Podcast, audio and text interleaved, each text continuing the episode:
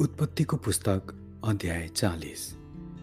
केही समयपछि मिश्रका राजाका मुख्य पियाउने र मुख्य पकाउनेले आफ्ना मालिक मिश्रका राजाको विरुद्धमा अपराध गरे।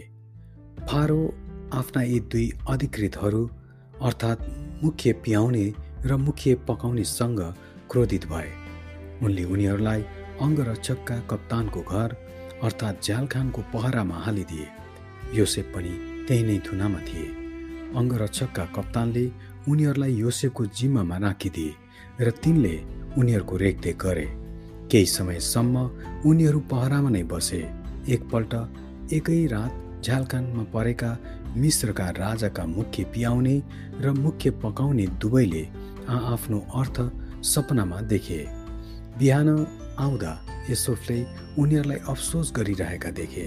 यसकारण तिनले आफ्ना मालिकको कैदमा रहेका फारोका केही दुई अधिकृतहरूलाई सोधे आज किन तपाईँहरूको मुख दुखी छ? उनीहरूले तिनलाई भने हामीले सपना देख्यौँ तर तिनको अर्थ खोलिदिने कोही पनि छैन। योसेफले उनीहरूलाई भने सपनाको अर्थ त परमेश्वरकै हातमा हुँदैन र? मलाई तपाईँहरूका सपना बताउनुहोस्। तब मुख्य पियाउनेले चाहिँ आफ्नो सपना योसेफलाई यसरी बताए। मेरो सपनामा मेरो सामुन्ने एउटा दागको बोट थियो। दागको बोटमा तिनवटा हाँगाहरू थिए। त्यसमा टुसा पलाएपछि फुलहरू पनि ढकमक्क लागे र दागका जुप्पाहरू लटरम्म भएर पाके। फारोको कचौरा मेरो हातमा थियो र मैले दागले निचोरेर फारोको कचौरामा हालेँ र त्यो कचौरा फारोको बाहुलीमा टक्र्याएँ। योसेफले उनलाई भने यसको अर्थ यही हो। तीन हाँगाहरू भनेको तिन दिन हो। तिन दिनभित्रै फारोले तपाईँको शिर ठाडो पारिदिनुहुनेछ र फेरि तपाईँको आफ्नो काम दिनुहुनेछ र तपाईँ अघि उहाँका मुख्य प्याउने हुनुहुँदा जस्तै फेरि फारोको कचौरा उहाँको बाहुलीमा टक्र्याउनुहुनेछ। तर जब तपाईँको भलो हुनेछ तब मलाई सम्झनुहोला। कृपा गरी फारोसँग मेरो विषयमा कुरा उठाएर मलाई यस झ्यालकानबाट निकालिदिनुहोला। किनकि मलाई वास्तवमा हिब्रूहरूको देशबाट चोरी गरेर ल्याएको हो। र यहाँ पनि झ्यालखानमा पर्ने काम मैले केही गरेको थिएन।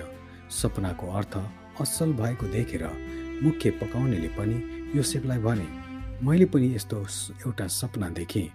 मेरो टाउकोमा रोटीका तिनवटा टोकरी थिए। माथिल्लो टोकरीमा फारोको निम्ति पकाएका अनेक किसिमका खानेकुरा थिए। तर मेरो टाउकोमा भएको टोकरीबाट चराहरूले ठुङ्गी ठुकी खाइरहेका थिए। यसोफले भने यसको अर्थ यही हो तिनवटा टोकरीहरू चाहिँ तिन दिन हो। तिन दिनभित्रै फारोले तपाईँको शिर उडाइदिनुहुन्छ र तपाईँलाई रुखमा झुन्याइदिनुहुनेछ र चराहरूले तपाईँको मासु ठुगी ठुगी खानेछन्। तेस्रो दिन फारोको जन्मदिन थियो। त्यस दिन उनले आफ्ना सबै अधिकृतहरूलाई भोज दिए र अधिकृतहरूका अघि ल्याएर उनले मुख्य पियाउने र मुख्य पकाउनेलाई खडा गरे। उनले मुख्य पियाउनेलाई चाहिँ आफ्नै काममा फेरि नियुक्त गरे र यिनले फारोलाई कचौरा टक्र्याउने गरे। तर योसेफले उनीहरूका सपनाको अर्थ खोलिदिए झैँ मुख्य पकाउनेलाई चाहिँ फारोले झुन्याइदिए। तापनि मुख्य पकाउनेले योसेफलाई सम्झेनन् तर तिनलाई बिर्सिहाले। आमेन।